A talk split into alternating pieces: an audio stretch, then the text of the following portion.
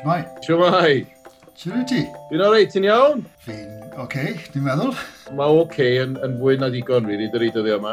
So, ti'n cael o'n iawn? Ti'n cael o'n iach? Ydw, diolch i ddiw, touch wood, dydw.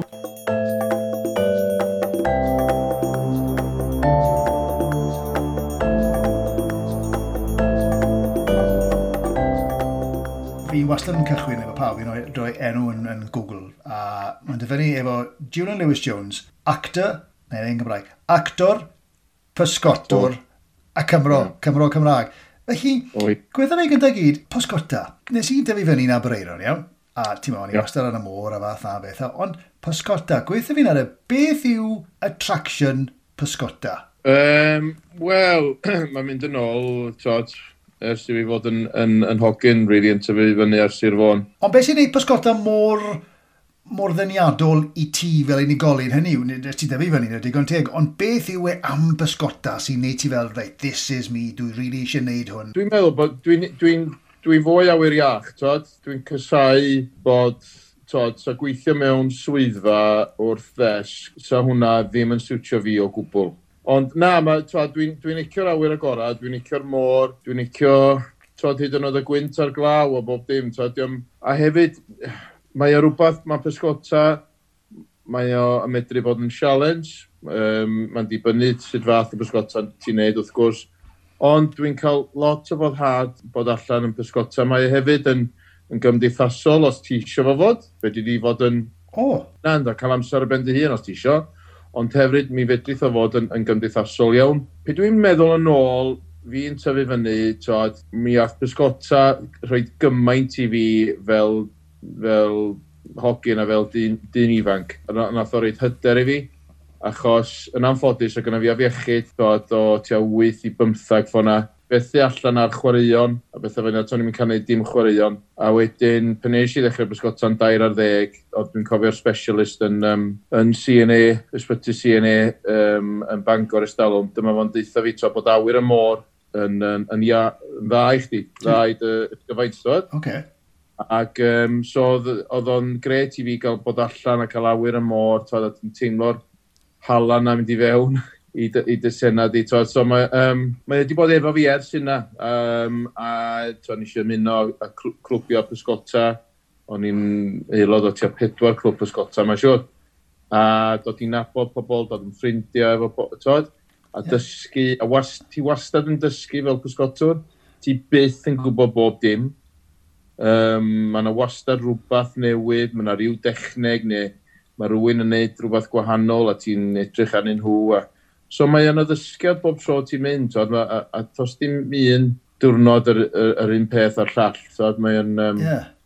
Enwedig pe ti'n pysgota'r môr, ti byth really yn gwybod to, beth ti'n mynd i ddal. Ond ma, ma pysgorta'r afon yng Nghymru yn gwbl wahanol i pysgorta'r amor a dala, ti'n bod, uh, tiwna neu... Ne, o, di. Beth yw'r pysgori mwyaf ti di ddal then? Uh, tiwna dros 500 pwys.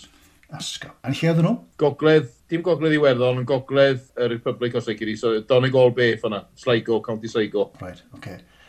Ond mae gennym ni Y bysgod mwy na hynna, oedd i ar arfordir Cymru, a dwi wedi gweld nhw. Um, so, yr un math o bysgodyn, yr, yr Atlantic Bluefin Tuna, da ni trio ar hyn o bryd, trio cael pysgodfa, uh, catch and release. Dwi'n um, uh, bobl fel Rhyn a Biorwedd yn, yn trio helpu fi i, um, i gael uh, ymgyrch i, i gael pysgodfa twad, am tuna. Yn ogystal â ffysgotwr, then, Jiren, ti'n amlwg uh, yn, yn falch iawn yr ddreiddiau, ddreiddiau Cymreig, Cymraeg. Mae rygbi yn agos i dy galon, ti'n amlwg fel ti'n gweud, ho, twa, yn ôl dy hunan gofiant di, uh, hogyn bach gwan a swyl oedd e ti i gychwyn yn Ynys Môn, a wedyn nes ti fynd o'n unan lawr yn, yn nant caredig of all places. So, sy'n yn y byd nes ti fynd o Ynys Môn unan caredig? Dwi'n meddwl bod fi roi wedi bod yn wan. Wel, fi'n meddwl, gwym gwan as in gwan. Wel, ti'n gwybod, ond dwi rioed wedi bod yn deuna. erioed. Dwi rioed wedi bod yn deuna.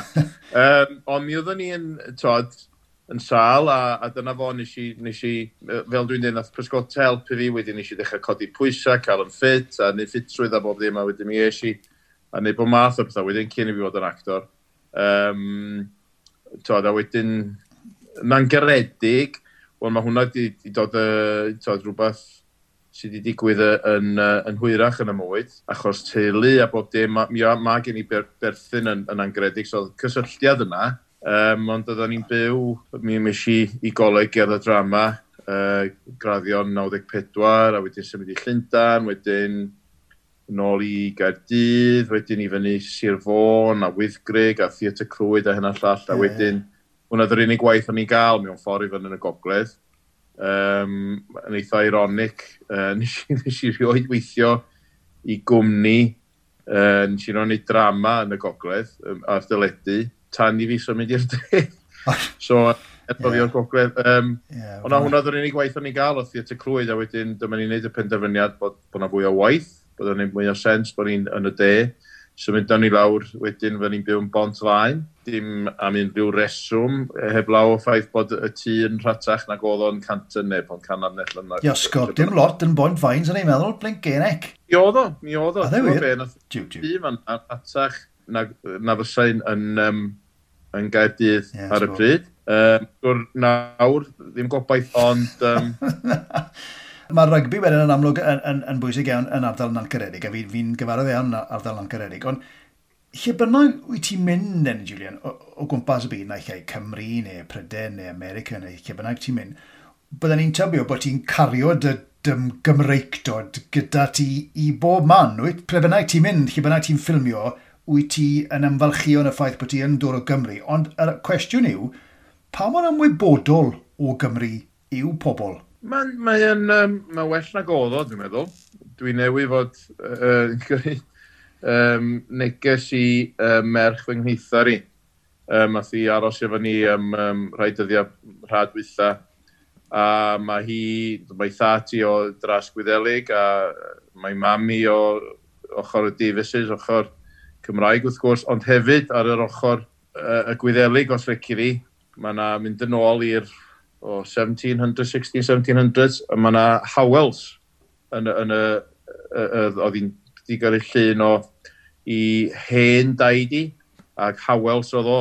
Um, oedd wedi bod i West Point Academy. Na, mae ma yna ma fwy a fwy dwi'n meddwl o bobl yn gwybod am Cymru. Dwi'n cofio pethau ni'n um, cyn i fi fod yn actor, o'n i'n byw yn, yn America am flwyddyn, a rhan fwyaf yn California, ond o'n i'n byw yn, yn Efrog Newydd am cwpl o fisoedd.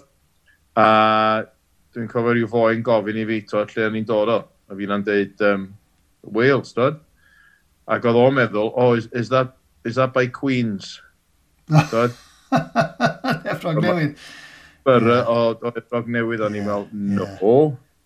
Okay. Well, it's not anywhere near Queens. Oedd uh, Clint Eastwood yn ymwybodol o Gymru? Wel, oedd Clint Eastwood, mae'n siŵr i fod, achos bod wrth gwrs di chwarae Josie Wales. Um, Wel, ie, yes, so... Ond nath o ddim darganfod bod fi'n Gymraeg, bod fi'n Gymro, tan eitha hwyr yn y broses oh, o okay. ffilmio. Okay. Oedd o'n meddwl bod fi'n o dde Afrig tol, so um, y, y tro nath o ffeindio allan, really, bod fi ddim, oedd o ryw ddau, ddau fus i fewn i ffilmio. Oedden ni'n ffilmio yn, um, yn Ellis Park, tod yn Johannesburg. Oedden ni'n ail greu'r er, ffeinal yna. Ac um, dyma fo'n gofyn i fi tod ganu yr, um, vers, yr um, darn oh, yeah. Afric Anthem. Ac oedden ni'n meddwl, tod, o'n i'n mor thyr efo bob dim efo dysgu'r lanes, o'n i'n gwybod lanes pawb. Oedd hwn ddim yn y sgript. Ac o'n i'n meddwl, A dyma fan deitha fi de, um, right, uh, Julian, I want you to sing the Afrikaans part, right? A ni fel, uh, a dyma'n edrych yna fi mwyn, you do know it, right? a dyma fi'n deud, well, no, not really. Dyma fel yn Gymraeg iawn. okay, well, I, I guess you're the strong silent type. So, na'r tro cyntaf i fi, ddoth o ffindio allan am, am bod fi'n Gymro. Tod. Ond, um, a hefyd, dwi'n cofio, o'n i'n aros yn, um, yn y Cape Grace gwesti moethus iawn uh, pum seren, oedden ni gyd yna, tod, yn, uh, un peth efo'r ffilmio mewn, mae ma nhw'n edrych ar och di, tod, yeah. yn Cape Town, ac o'n na whisky bar lawr grisia, tod, a wedyn oedden ni gyd yn mynd, dim lawr fanna bob nos, ond oedden ni'n cael peint neu beth bynnag, ac oedd Clint yn dod lawr, oedden ni'n cael botol o gwrw neu beth bynnag. Oedd yn cofio un noswaith, o'n i'n esbonio i um, Adjoa, oedd yn chwarae Brenda Mazubuko yn y ffilm. O'n i'n cael i'w drink bach yn y bar yma, a dwi'n you know, the, you know, we have a Welsh whiskey. No, you don't. yes, we do. We do. We have a Welsh whiskey. No, no, we. I know Irish have it, and Scots, and no, no. Listen, we have a, a Welsh whiskey, and it's won awards. This whiskey, it's very, very good, right? called Penderyn. No, I, no, no, no, I, no, no, you're pulling my leg. So dyma fi'n gofyn i wedyn i'r barman de, reit? Boi de Afric de. Excuse me, um, maybe there. Do, do you have uh, Penderyn here? Yeah, sure, yeah, Penderyn, no, which one do you want? I, well, there you go, see? Even in South Africa, yeah, yeah, Penderin. Yeah. So, um, na, fi, fi, fi yn ym, ymfalchio yn fawr iawn yn fy Nghymreidod, a lle bynnag byddai'n mynd, byddai'n trio um, addysgu pobl yn, yn neis. Dwi.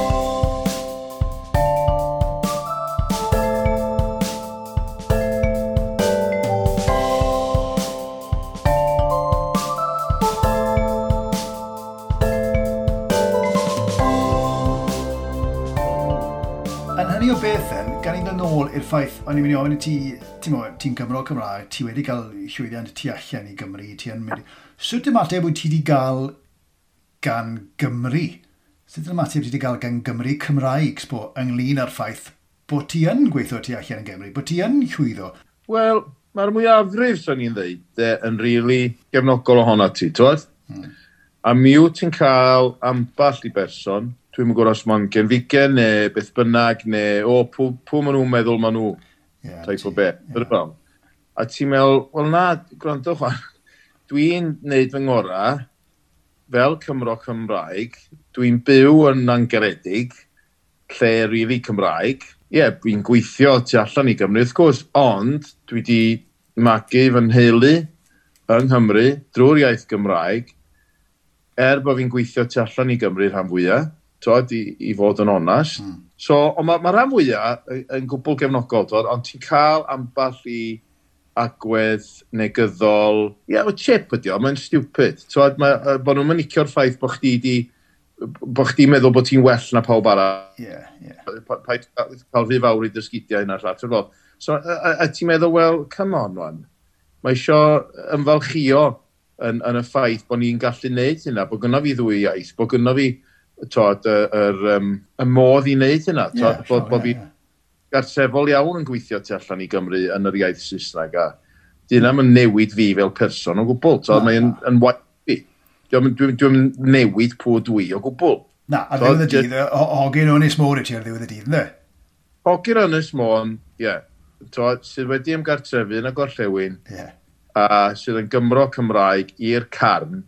Os fi drai fynd allan i weithio a, a, a wneud enw i fi fy hunan tu allan i Gymru gorau bydd. Yeah. Dyna ffordd dwi'n dwi meddwl amdano fo. Twed? Yeah. A does dim doubt yn, yn, yn ymhen ni, Twod, pw, twod, dim insecurity na, na hynna o gwbl gen i. Na, na. Dwi'n dwi, dwi gwybod pwy dwi. Ond wyt so, ti'n dwi... gorfod pinsio'r unan weithiau, bod ti'n ti ti hogyn o'n is môn, ti'n dechrau mm. gweithio ar Esbrorec yn y Gymraeg, Caerdydd a wedyn Torchwood, hyd yn oed Spooks a uh, ro, be, pob ath o bethau ar, ar, yng, yng Nghymru a Phrydyn. Wel, un sydyn iawn, Julian, ti'n Invictus mhm. mm. gyda Clint Eastwood a wedyn Justice League. Mm. Felly, ti'n meddwl, mae'r ma, ma, ma range ma wedi bod yn, yn anhygoel. Mae'r ma naid ma wedi fynd o, o Caerdydd gyda pob barch i, i Justice League yn, yn anhygoel beth yw'r gwahanol... Wel, gyda gyd, wyt ti'n goffa pensio'r yr uned, ti'n meddwl, siwr ddiawl i wedi cyrraedd y man yma? Mi, to, wrth gwrs, mae yna degau lle dwi wedi gwneud hynna, achos swn i'n yn, um, yn iawn yn ymhen, swn i ddim, ond, um, ond hefyd, pe dwi'n edrych yn ôl ar to, pen nes i benderfynu, achos to'n i rioed i actio o blaen. Tod, um, to'n to i'n di wneud drama yn ysgol, neu goleg, neu dim byd fel hynna, neu ieuenctid drama, um, troedd, i'w theatr a beth yna, To'n i'n mynd i wneud yn byd fyna. So pen eisiau wneud y penderfyniad yn, yn ddau ar hugian i, i ddilyn gyrfa fel actor, fo fi heb wneud o, mae yna resyma sydd yn dyn ôl i fi fel plentyn yn tyfu fyny achos nes i wylio cymaint o ffilmiau fel plentyn, ffilmiau Saesneg, American. Twad? Yeah. Dyddi yma, mae gen ti, uh, er enghraifft ar ITV, mae gen ti Loose Women neu rhywbeth efo Dickinson neu whatever, right? Yeah. So mae gen ti, i i fi, twad, okay, mae po, ma lot o bobl yn gwylio nhw ond i fi, bach o soft, really, twad yeah, fel. Yeah, yeah, yeah. Okay. Pen i'n tyfu fyny, o, o, o gen ti ffilms, oedden nhw'n dangos, mwy neu lai, bob diwrnod yna ffilm, mat ni. Twad, so mae rai bod fi wedi gwylio yn enwedig pan i adran sal ac oedd nain yn edrych ar ôl fi adra, mae'n ma, ma siŵr bod wedi gwylio canodd o ffilmiau. A hwnna oedd fe ddysgiad i. A pen nes i wneud yr penderfyniad yna i ddod yn actor, dim di ddod trwy um, os ychydig i steddfod a perfformio fel hyn a canu ac adrodd ac actio. Oedd, oedd ni'n dod ati o rwla gwahanol, o rwla yn yn ychymig i, twad, um, beth o'n i'n gallu neud, beth o'n i eisiau neud. So pe dwi'n yn troi fyny ar set, yn gweithio efo Clint Eastwood a Matt Damon a hynna llall, twad fel, ie, yeah, wrth gwrs, mae o'n surreal, ond hefyd, ti'n teimlo fel, wel ie, yeah, dyma oedd i fod. Yeah, twad yeah, fel, yeah. achos dyna pam nes i fod yn actor. Nes i'n dod yn actor i wneud dim byd arall, really, yeah. A, a, achos dyna oedd yn siwrna fi, os rwy'n wneud penderfyniad yma, dyma lle dwi eisiau mynd i. So, pe nes i ffeindio fy hun ar sets fel hynna, a gweithio fo pobl fel Cynrwyd a Zack Snyder a Catherine Bigelow yn y llata fel, o'n i'n teimlo gyffyrddus, o'n i'n teimlo fel, wel ie, yeah, pobl ydyn nhw, just fel fi yn person. Ie, ie, ie. Rhyw ddiw neu ddiwies neu beth bynnag. Pobl ydyn nhw sydd wedi gweithio'n galad ydy, tod, a, a wedi i'r top fel hynna. So, oedd na rhywbeth yna fi yn deitha fi, wel, wel ie, yeah, dwi'n dwi oce okay fan hyn, dwi'n dwi hapus ma. Ond i osgo, ti'n bod, i, i feddwl bod ti'n mwy thebyg wedi tyfu fyny efo ffilmiau Clint Eastwood ac yn gwylio nhw cynsedin iawn, ond ti'n cael y gyfarwyddo o'r boi. Oedd hwnna bod yn, yn, yn, yn surreal. dros ben. Gan i siarad am ffilmiau a'r gwahaniaeth rhwng ffilmiau a, neu movies, tyfo, a, a thyledu, slyg i. Beth yw'r gwahaniaethau mawr rhwng wneud rhaglen dyledu fel Cadydd, fel Stella, fel Torture, rhywbeth bynnag, a wneud movie go iawn, ysgwydau. Mae'n ma, fi, ma, ma, ma gwestiwn gwirion, ni'n gwybod, ond mae yna bon o gwahaniaethau yma, oes? Oes, oes. Achos efo ffilm, tod, mae... Dyda bod ffilm yn awr a hanner ddwy awr. Wel, mae'r holl broses yna yn cymryd mwy amser. Mae tyledu yn enwedig dyddi yma efo turnaround lot mm. mwy tydyn. Tod, yn enwedig peth ti'n edrych edrych ar ddramau neu'r soaps neu beth bynnag. Tod, so, mae yna fwy amser a mae pawb yna, yn enwedig peth ti'n ffwrdd ar location neu rhywbeth yna, am, am y cyfnod yna, wyt ti yna mwy na lai trwy'r amser, os mae gen ti rhan eitha substantial fyna. So mae o fwy fel theatr. So mae pawb, unig beth sydd yn wahanol ydy'r broses ymarfer. Ti'n mynd cael mis i ymarfer, ti'n cael camera rehearsal os ti'n lwcus. Oh, right. Ond mae yna ma na rhywbeth fel mae pawb yn ddofo fel teulu bach i wneud rhywbeth special i drio wneud rhywbeth special. Mae teledu mewn ffordd fel, a lot fel revolving door. Mae pobl yn dod i fewn, maen mynd allan i fewn ac allan. Tydi fel? Yeah. So, ti'n cael dy regias sydd yna trwy'r amser, fel mewn swyddfa yn y beth bynnag. Mae pobl yn dod i fewn ac allan, fewn ac allan. Efo ffilm, mae'n fwy o deimlad i fi fel theatr, fel ti'n neud one-off drama. Ti'n mynd neud cyfres, ti'n mynd edrych ar penod chwech, ti'n neud penod un neu hyn a'r llall. Tod, mae gen ti ddechrau canol a diwad i'r holl beth. Hwna di'r broses sydd, sydd yn wahanol. A, a hefyd, to, beth ti'n mynd ar ffilm fawr, os lici fi, um, big budget, blockbuster, whatever you call it, dyr fel, mae'r ma, stakes yn cymaint uwch. Yeah. Um, achos efo, efo drama, mae'n gymisiwn. Mae'r mae, ma, mae cael ei dalu amdan, dyna fo. Mae'r budget yna gen pa bynnag network sydd yna i wneud drama neu i wneud beth bynnag. Efo ffilm, mae'r rhaid nhw'n wneud yr arian yn ôl. Ie, yeah, mae'r rhaid yeah. i'r studio neu'r investors yna gael ei arian yn ôl. So mae'r rhaid i hwn gael ei werthu. So mae'r stakes yn uwch, ond on dwi'n icio'r broses o ffilm. Um, mae yeah, debycach i theatr fel hynna. Os lot o hongian y gwmpas? O, bendant, twad. Ond mae'n dibynnu beth i'r prosiect, mae'n dibynnu, twad mae'n dibynnu weithiau, maen nhw'n treithu eiliadau mewn dydd. Tod, weithiau mae o'n 10 munud neu beth bynnag, mae'n mae jyst dibynnu ar y, um, y, y pwnc ac ar y scenes a beth bynnag. Y cyfarwydd, mae'r ma, Clint Eastwood yn seithi'n sydyn. Tos o ddim mali awyr efo, efo Clint Eastwood mae o. Diolch yn uh, ymarfer os a bod rhaid. Right mae'r mae, mae, ma un tîm yn mynd efo fo, o ffilm i ffilm, efo Malpaso, o'r cwmni nath o ddechrau yn y 70au cynnar, nath i'n neud i ffilm gyntaf fo. Dim y pawb, wrth gwrs, achos Malpaso nath wneud um, um, Play Misty for Me, yn, yn, yn 1971. Hwna di ffilm gyntaf o nath o gyfarwyddo. A wedyn mae tîm dyn ôl, er enghraifft Tom Stern, y, DOP, yr um, Director of Photography, Cinematographer, sydd wedi gweithio fo ar cymaint o ffilmiau Deborah Hopper yn neud y costumes i bob ffilm iddo fo. So pe dwi'n gweld, Deb oh, that's Deborah, that's Todd, oh, Tim Moore, producer, um, that's so-and-so special effects, Todd fel. Um, yeah. Hynna y bobl o'n i'n gweithio fo. A dwi'n dyn ôl wan, ffod, nath ni ffilmio Victors 2009. 2009, ie. Yeah. Ond mae'r dal, dwi'n gweld yr un un bobl na yn mhob ffilm. Oh, so mae gynnu i fo dîm Mae'n mae i drystio a sydd yn gweithio fel fine, yeah. well-oiled machine. Well-oiled machine, ie, ie, ie. Mae'n trystio actorion, a dyna beth sy'n bod neis, achos bod yn actor i hun, mae'n mae disgwyl i chdi wneud y waith cartra, dysgu dy lanes, paid a troi fyny ar set yn meddwl, oh, I don't know what I'm doing now, bla, bla, bla, right? No, no. Ond, os ti'n gwybod y stwff, mae o'n parchu chdi i wneud y benderfyniad beth ti eisiau wneud fel cymeriad. Os ti o'n meddwl bod o'n iawn, to mae'n deitha chdi neis iawn, dim, dim codi lais o gwbl.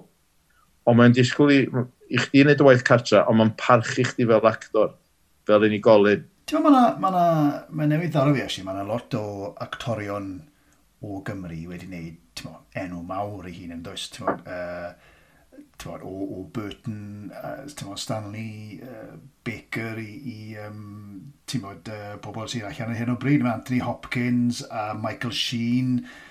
Ron Griffith, Matthew Rees. Ie, yeah, hollio, tywod.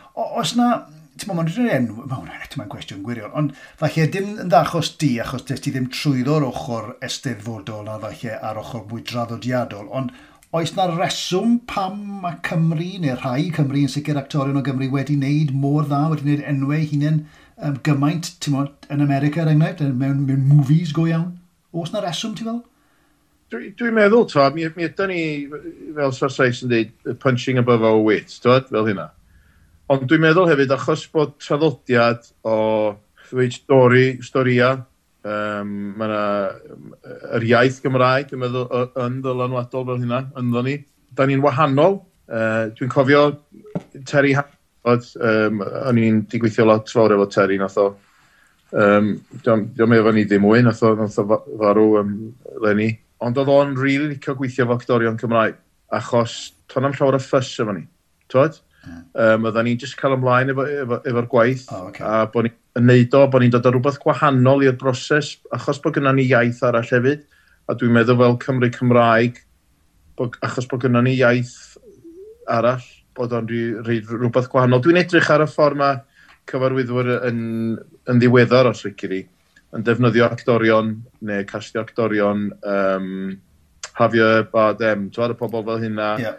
Twad, Mae ma actorion sydd yn, dod, sydd yn dda iawn yn y Saesneg, ond dod o rhywbeth gwahanol i'r broses, wyt ti'n cael rhywbeth gwbl wahanol. Eto, mae ma nhw'n defnyddio lot fawr o um, actorion o Scandinavia bethau nawr hefyd, to? Hmm. Achos gwahanol wahanol ti'n just got a bod yn sort of, I'm RP and this is how I speak. Ie, ie, ie. Fi'n gwybod ti'n fel. A byddwn ni'n meddwl bod, bod ti'n meddwl... I fi mae hynna'n yn ddiflas ac yn, yn, yn boring os ti'n gorfod siarad certain ffordd neu beth ah, bynnag a bod ti'n gorfod bod yn posh neu'n RP neu beth bynnag. I fi, oh, come on man, meddyliwch ti allan i'r pop. Ie, ie. Yw'ch bod sydd yn ddiddorol. Ie, ie, ie.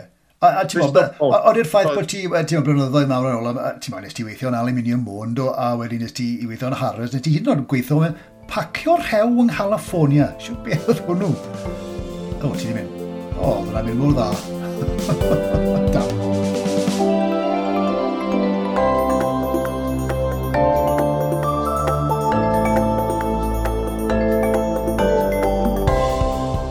Ti'n gwybod beth, mi oedd y blincyn batri off, o'n i'n di sylwi bod y batri'n isel. Oh.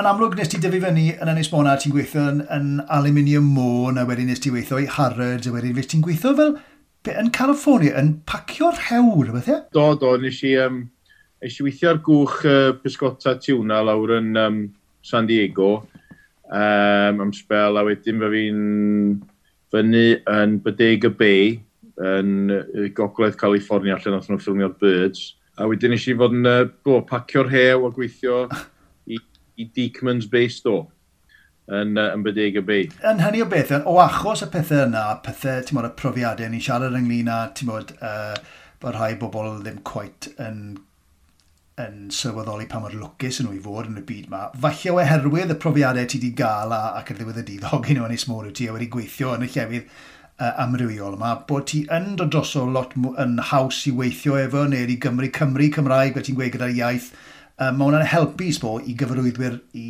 i, i ddelio ar y ti falle, neu, neu ti'n, maen nhw'n gweld chi fel rhywun haws i weithio efo. Di hwnna'n, bod, be fi'n dweud, bod ti wedi gwneud bach o bob peth, dim just mynd yr ochr draddodiadol, ti'n bod, drama, drama school rada, fath na beth, ti'n bod? Na, ti'n bod, nes i gael tod, um, addysgiad bywyd, os y ciri, uh, University of Life, fel, fel sy'n nhw'n dweud, um, mynd i coleg cerdded drama, um, er bod gyda fi ddim profiad o actio fel hynna, o flaen cynulleidfa neu beth bynnag, oeddwn ni wedi cael lot fawr o brofiadau bywyd. Um, di byw yn Llundain, to, di gweithio mewn gyms yna, di byw mewn dad gyngor, mewn ardal raff iawn yn, yn, um, yn Llundain dyn yn America, twad, byw yn Efrog Newydd, byw yn California.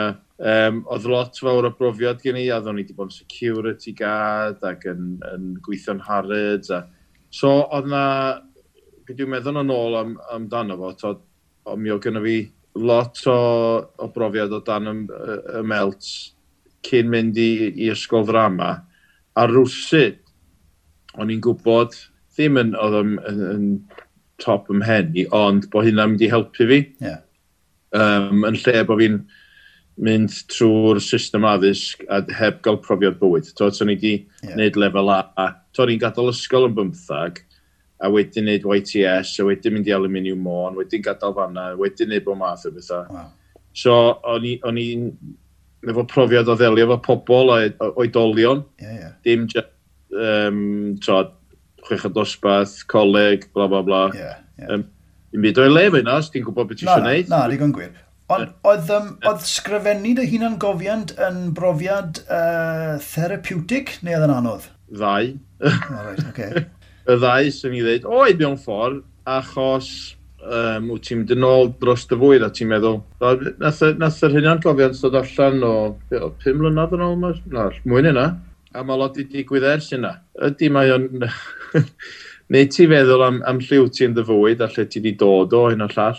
Ond ond hefyd, ti'n gwerthorogi pobl ar y ffordd hefyd sydd wedi helpu chdi. Mm. A sydd wedi bod yn, um, yn instrumental os lyci di yn, yn lliw ti heddiw yma. Dwi'n hynod o falch i, i bobl fel Andrew Neil Pennaeth, um, actio'r hyn uh, ar y pryd yn yngholau cerdded drama, achos heb ddo fo, mae ddawt gen i sy'n wedi cael ei fewn i ysgol, ysgol drama, achos nath o jyst cymryd pynt yna fi.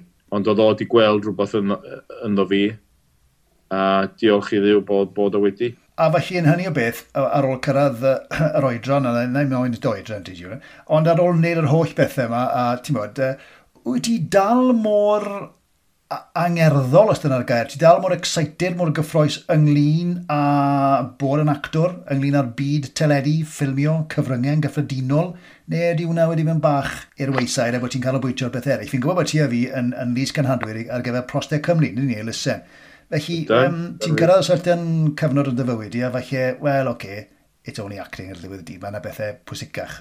Ydy hwnna'n wir, ti fel? Mae'n dibynnu, mae mae bob diwrnod yn wahanol, so rwy'n yn deitha fi fory, reit, y paced y fagia, ti'n mynd i de America i ffilmio fo Ridley Scott neu fo Martin Scorsese neu, ie, yeah, wrth gwrs. Yeah, yeah. Ond mae'r ma broses o actio, o fod yn actor, wedi mynd yn anoddach, bendant wedi mynd yn anoddach. Mae'n pwy ffordd? Ma, um, Just y ffordd mae'r byd wedi mynd i, twad, mae rwsyd dwi'n meddwl bod fi wedi cael yngeni yn yr deg bywir, twad. So, ni'n yeah. wrth y modd bod yn actor yn y 60au neu rhywbeth yn hynna. Yeah, yeah. O fy arwyr fel Connery a Richard Harris, O'Toole, Burton, pobl fe hynna, twad. Yeah. Um, mae'n anoddach rwan, mae o'n uh, fwy corporate. Um, fwy saff. Mae'n un un peth dro ar ôl tro. Dwi'n eitha pendant os fysa nhw'n gwneud bond nawr, fysa Sean Connery ddim wedi cael look-in. Na. Ti'n fel, achos cael ei ddarganfod nath o, ond dyddiau yma, maen nhw'n edrych am rhywun efo enw mawr cyn castio unrhyw beth fel hynna. Ie, oedd o, Sean Connery yn yn cori pwysau yna, Mr Scotland, Mr Universe, fe bynnag, oedd yna bodybuilder ynddo? Ie, yeah, oedd o'n, oedd o'n, bod math o bethau, ond oedd o'n neud rhanna bach mewn ffilmiau, tod, B-movies os lici di, a cael ei ddarganfod nath o, tod, a wrth gwrs, nath ymlaen i, Yeah, He is yeah. the epitome of, of James o, Bond. Ond fel ti'n gweud, byddai hwnna ddim yn digwydd nawr, achos maen nhw'n edrych am yr enw mawr na i gychwyn, er mwyn sicrhau bod nhw'n cael yr arian nôl ar y ffilm, da. Ei, meddylia cael um, Kent James Bond o Ynys Môn. The name's Bond. Wel, um, dwi'n rhi hen, wana, Todd. Fysa, fysa neis, wrth gwrs. O, oh, sy'n um, greu. Cael acen, acen gogledd hefyd, hynny. The name's yeah. Bond. Dim ond fi'n tanwaru'r goglerwyr, Julian, fydda i'n gweud, ei, Clyw, mae ma pethau, ma pethau wedi bod yn anodd iawn eleni, wrth gwrs, i, i, i i bawb, ond uh, yn sicr, ti'n bod, i, i bobl greadigol a yn ymwneud a, ar cyfryngau a ffilmio fath na beth, a pethau dach, mynd, dachrau mynd bach yn well nawr. Ond 2021, oes na gynlluniau yn y gweill yn barod, neu ti jyst yn gweld beth sy'n digwydd? dwi'n dwi, dwi really mwynhau wneud y dogfenna, i fod yn onast efo chdi. Twad, roedd fi'n lwcus wneud y gyfres bysgota ddweitha chwe penod mewn llai na tair wsnos, oedd o'n sialens ac yn her, ond mi nath o'n i wneud o. Dwi'n really hoffi wneud dogfenna nawr. Dwi'n dwi, gyffyrddus yn pwdwi fel person. 20 mlynedd yn ôl, sy'n wedi gallu wneud o. Achos oedd actio mewn ffordd yn... Ti'n cuddio tu ôl i gymeriad, dyna lle ti'n cael dy hyder o ond mae profiad bywyd a aeddfedrwydd rwsyd yn, yn, yn gallu ti i, i fod mwy hyderus yn chdi dy hunan fel person a dwi'n dwi hyderus fel, fel person nawr a dwi'n gyffyrddus um, yn neud dogfenna a cyflwyno nhw a cyd gyflwyno nhw beth bynnag. Ond dwi'n rili really mwynhau wneud nhw a, a dyna di'r di, bwriad bod fi'n cario ymlaen efo hynna. Os mae gwaith actio yn dod uh, yn yeah. y cyfamser, gret. Okay. Ond i ladd fy hun, yn, yn um, mynd yeah. ar ôl peth. O na, mae ma, ma bywyd rifur yn a ti'n meddwl, dwi'n dwi, dwi, gwybod bod Prostau Cymru uh, yn, yn ddiolchgar dros ben bod rhywun enw fel ti yn rhan o'i tîm uh, Llys Cynarfer nhw. Ti'n meddwl, mae yna ma, na, enwau e mawr yn dos yn, yn y tîm uh, gyfer Prostau Cymru, felly dwi'n ei lot o waith iddyn nhw. Ond hwnna'n rhywbeth nes ti, nes ti benderfynu wneud am rhyw reswm arbennig, neu rhywbeth byddai ti'n just o, o ti eisiau wneud? Dwi'n nes i, ar, ar y lusen cyntaf nes i ddod, uh, to, wa, cael cysylltiad oedd, oedd Felendre, mae'n siŵr. Yeah. A wedyn Rugby for Heroes, a wedyn Prostad Cymru, a um, Cariad yn arall. So, so dwi'n hoffi yr, yr ffaith bod, bod ti, neu ni gyd, da ni'n neud rhywbeth da, da ni'n cael hwyl yn ei wneud o, da ni'n dod o negas i bobl sydd lot o'r amser, os, os o bod na rhyw cysylltiad rhwng bobl da chi'n gyfarwydd o, tod, bod, ella bod, bod y negas yna ddim yn mynd i, i, i gyffwr neu ddim yn mynd i, i gael at y, y, y, y cyhoedd fel yna. So dwi'n meddwl bod o'n bwysig bod ni fel, fel llys gynhadwyr yn cael y cyfleoedd yma i, i i wneud pethau, a dwi'n hynod o falch bod fi yn rhan tod, o'r tîm. Felly na, dwi, a dwi modd gwneud y pethau yma a bod yn rhan o rhywbeth pwysig sydd yn mynd i dod o dioni i bobl. Ah, da iawn. Ei, Clyw, um, diolch o galon yn ti am dy amser di. Um, gobeithio bod y ffôn ni'n wella nawr, a bod y ffôn ni'n mynd i jarjo dros nos i fi. Mae dal yn jarjo. Mae dal yn jarjo. um, I orffen, uh, diolch o galon ti, pob lwc gyda um, popeth yn y flwyddyn nesaf, a wrth gwrs, uh, be bynnag ti'n neud na chi, Pysgota, neu, neu Invictus 2 na, sy'n Invictus 2 i gael, so os na Justice League arall felly, neu be bynnag sy'n digwydd. Um, Pasgota, wyt ti'n Pysgota yn y geia? Mae'n dechrau oeri nawr, ond i bobl yn Pysgota yn y geia? O'n, o'n i, uh, tod, um, o'n i pysgota diplo'n sosan o. Dwi, ia, pysgota, wrth gwrs, mae'r tymor efo, efo brithyll a saman yna, y llall wedi gorffan. Wel, y saman a, a, a siwyn. Na, dwi'n pysgota, os y tywyd i'r peth yn y gyda, yeah. hwnna di, tod, y, y gelyn, um, fydda i mynd allan o Benarth, dwi'n gobeithio mynd allan o Benarth yn eitha buan, pysgota am Penfras, Cod, a, a mae hefyd mae'r ma, r, ma r pysgota fishing os lici fi, uh, allan o Penarth yn, yn, yn dda drwy gydol y flwyddyn.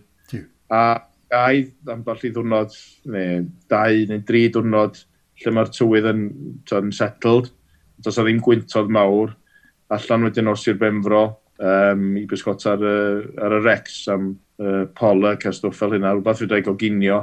Y tywydd i'r peth, doedd os ti'n cael y tywydd yn y gia, yeah. a mae'n oed, wrth, a mae'n dywyll, ond um, Yeah. Os o'n gwyntodd mawr, ti'n oce? Okay? A mae di oeri ysgof fi'n fi'n teimlo. Wel, dy fam os ni'n gweud gwisgo rhywbeth cynnes tiwlyd yn mwyn dyn. Long Johns, de. Long, Long Johns, de.